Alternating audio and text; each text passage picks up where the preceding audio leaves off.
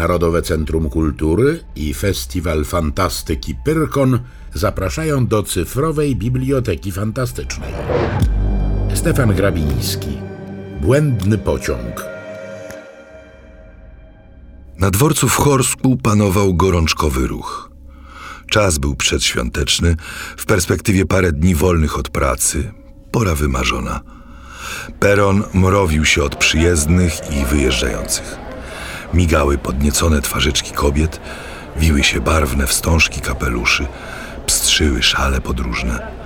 Tu przeciskał się wśród tłumu smukły cylinder wytwornego pana, tam zaczerniał sutanną duchowny.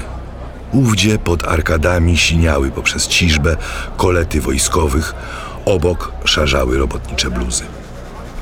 Wrzało bujne życie i ujęte w zbyt ciasne ramy dworca przelewało się z szumem poza jego brzegi.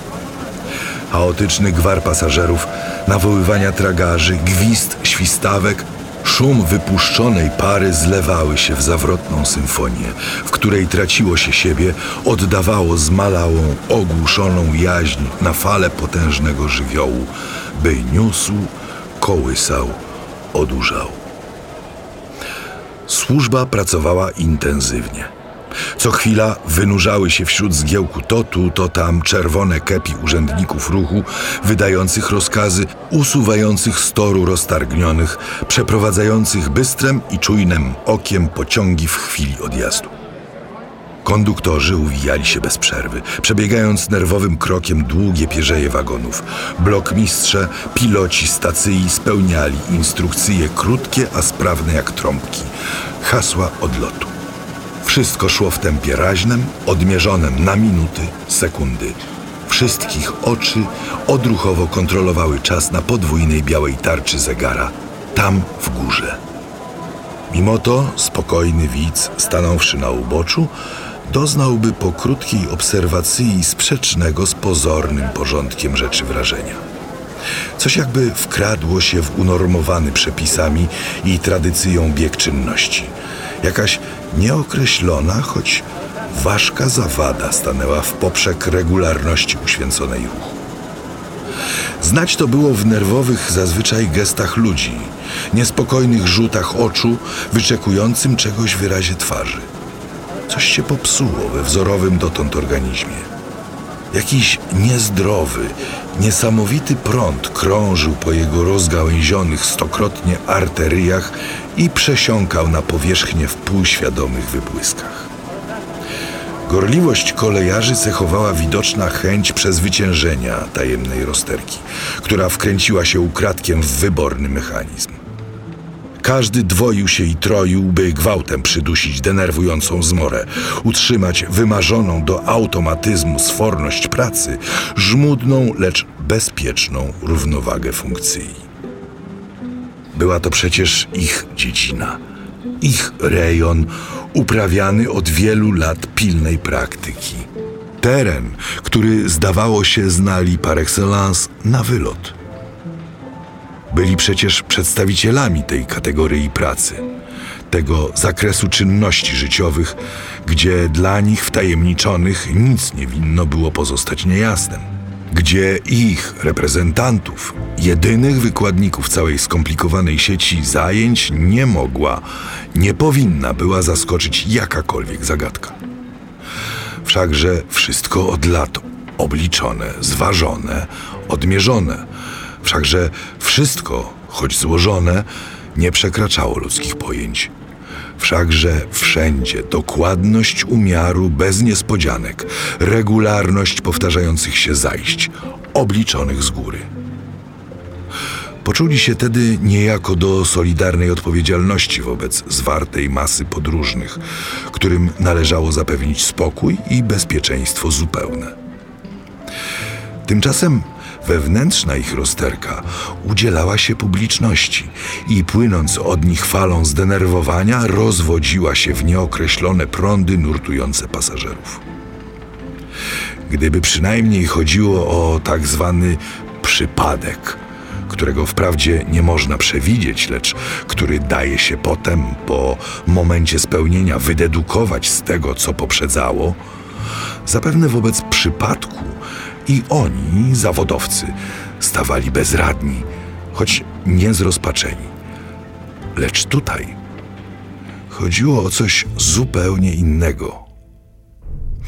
Zaszło coś nieobliczalnego, jak chimera, kapryśnego jak szaleństwo i przekreśliło za jednym zamachem prastary układ zdarzeń.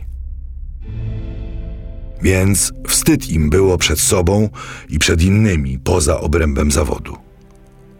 W obecnej chwili szło tedy przede wszystkim o to, by się sprawa nie rozeszła, by się szeroka publiczność nie dowiedziała. Należało dołożyć wszelkich możliwych starań, by dziwaczna historia nie nabrała rozgłosu w dziennikach, by uniknąć za wszelką cenę skandalu. Dotąd jakoś rzecz pozostała w ścisłej tajemnicy, zatrzymana cudem w wyłącznym obrębie dotyczącego środowiska. Przedziwna iście solidarność połączyła tych ludzi w wyjątkowym wypadku. Milczeli. Tylko wymowne spojrzenia oczu, specjalne gesty i gra słów dobranych ułatwiały porozumienie. Dotąd publiczność nie wiedziała o niczym. Lecz już niepokój służby, nerwica funkcjonariuszy przenosiła się zwolna i na nią, przygotowując glebę podatną pod zasiew zmowy. A sprawa była istotnie dziwaczną i zagadkową. Od pewnego czasu pojawił się na liniach kolei państwowych jakiś pociąg nieobjęty powszechnie znanym rejestrem, nie wciągnięty w poczet kursujących parowozów. Słowem, intruz bez patentu i aprobaty. Nie zdołano nawet określić, do jakiej należał kategorii i z jakiej wyszedł fabryki, gdyż momentalnie krótki przeciąg czasu, przez jaki dawał się za każdym pojawieniem obserwować, uniemożliwiał jakąkolwiek w tym względzie orientację. W każdym razie wnosząc z nieprawdopodobnej wprost chyżości, z jaką przesuwał się przed oczyma zdumionych widzów, musiał zajmować bardzo wysoki stopień w skali pojazdów. Był to pociąg co najmniej błyskawiczny. Lecz rzeczą najbardziej niepokojącą była jego nieobliczalność – Intrus pojawiał się to tu, to tam. Nadchodził nagle ni stąd, ni zowąd. Skądś, z odległej przestrzeni linii kolejowej. Przelatywał z szatańskim szumem po torach i znikał w dali. Dziś widziano go koło stacji M. Nazajutrz wyłonił się gdzieś w czystym polu poza miastem W. W parę dni później przeszybował z osłupiającym tupetem koło budki dróżnika w okolicy przystanku G. Zrazu myślano, że szalony pociąg należy do istniejącego etatu i tylko opieszałość lub pomyłka urzędników ruchu nie zdołała dotąd stwierdzić jego tożsamości. Zaczęły się więc dochodzenia, sygnalizacje bez końca, wzajemne porozumiewania się stacji. Wszystko bez skutku. Intrus po prostu drwił sobie z wysiłków funkcjonariuszy, wynurzając się zwykle tam, gdzie go się najmniej spodziewano. Szczególnie przygnębiająco działała okoliczność, że nigdzie go nie można było przyłapać, nigdzie dopaść ni zatrzymać. Urządzony kilkakrotnie w tym celu pościg na jednej z najwyborniejszych maszyn, uznanej w całym tego słowa znaczeniu za ostatni wyraz współczesnej techniki, zrobił ohydne fiasko. Niesamowity pociąg wziął rekord bez zająknienia. Wtedy zaczęła ludzi ogarniać przesądna obawa i głucha, tłumiona strachem wściekłość. Rzecz bowiem istotnie niesłychana. Od lat szeregu kursowały wozy według wytkniętego z góry planu, który układano w dyrekcjach, zatwierdzano w ministeriach, realizowano w ruchu. Od lat wszystko można było obliczyć, mniej więcej przewidzieć, a gdy zaszła jakaś pomyłka lub przeoczenie, te naprawić, logicznie wytłumaczyć.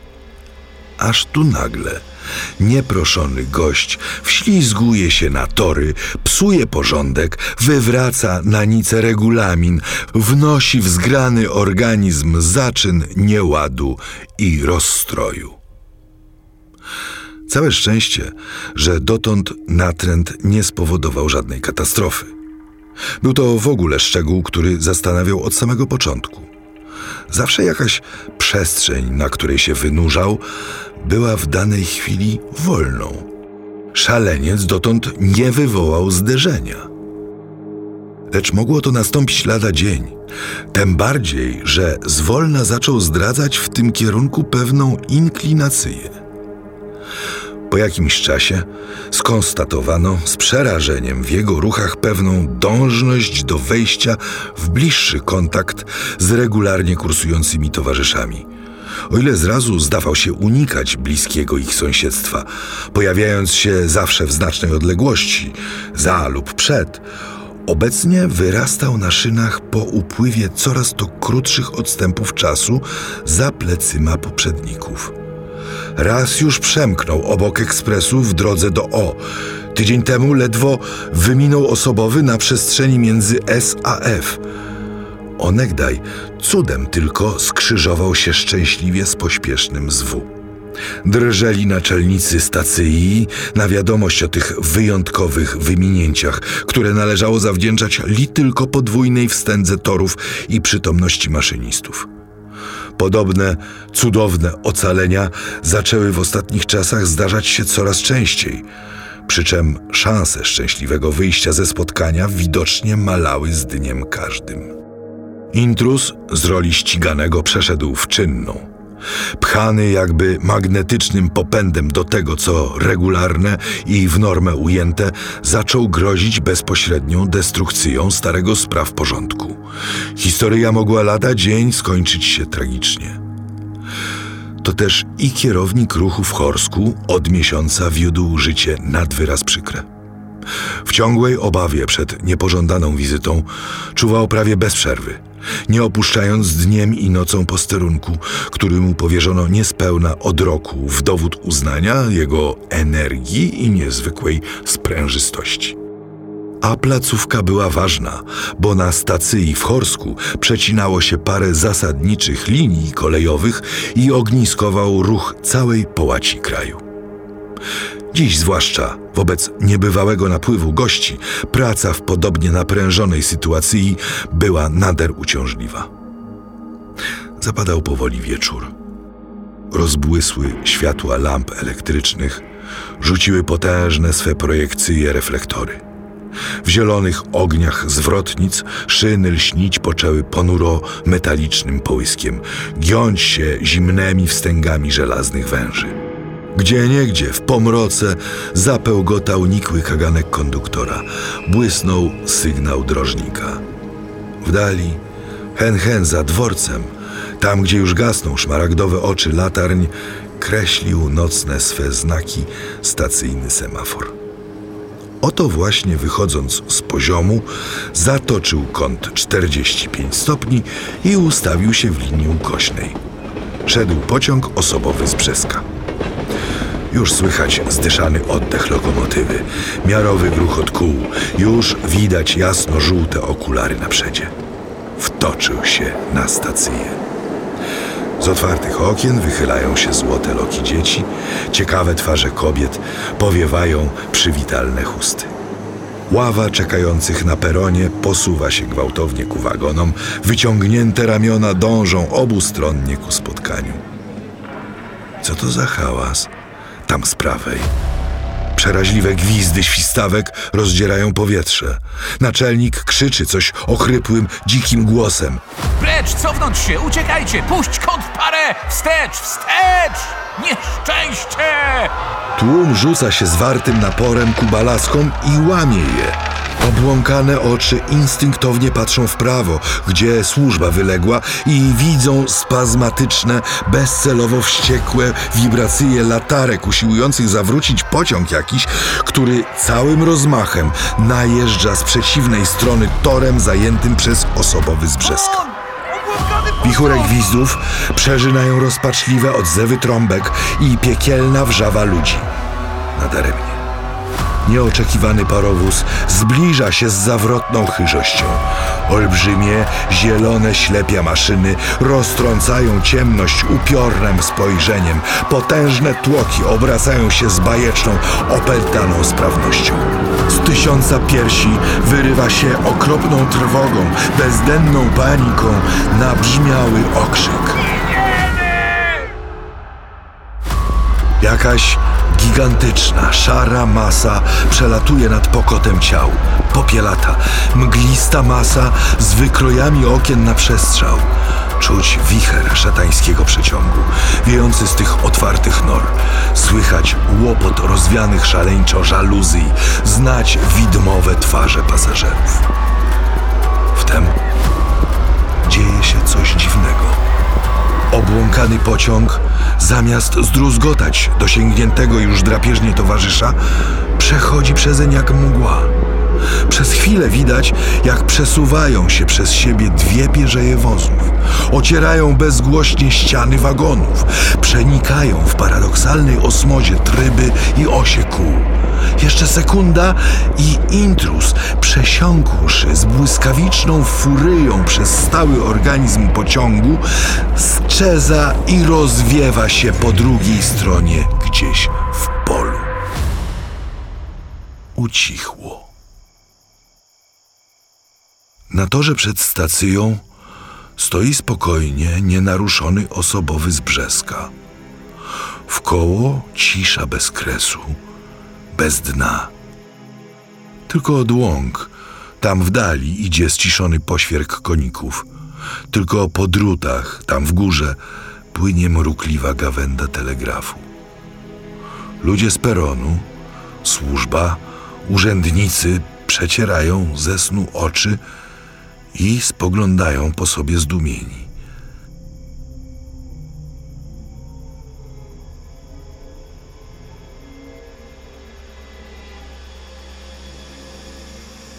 Prawda li to, czy zły majak?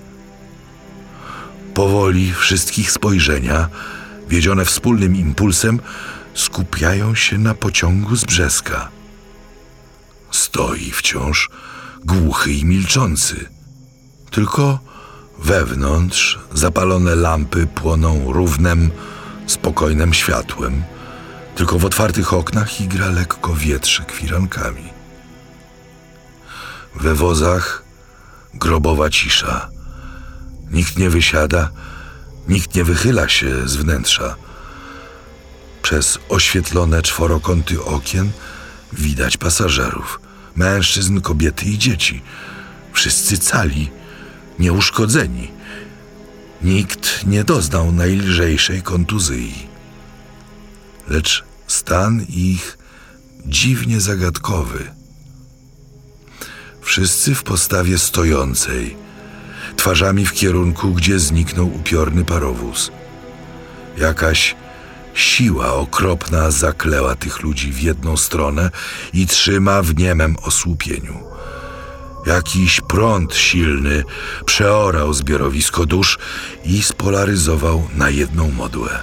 Podane przez się ciała, pochylone torsy w dal dążą, w zawrotną, w odległą gdzieś mglistą krainę, a oczy zeszklone opętańczą trwogą i zachwytem oczy toną w przestrzeni bez krańców. Tak stoją i milczą. Mózgu nie zadrgnie, nie spadnie powieka. Tak stoją i milczą. Bo przeszedł przez nich powiew przedziwny. Bo tknęło ich wielkie ocknienie. Bo byli to już ludzie obłąkani. Wtem zabrzmiały dźwięki mocne i znane, w codzienność bezpieczną spowite. Udary jędrne jak serce, gdy o pierś zdrową łomocę. Miarowe dźwięki nawyku, od lat to samo głoszące. Bim bam i przerwa. Bim bam i przerwa. Bim bam Bim bam, sygnały szły.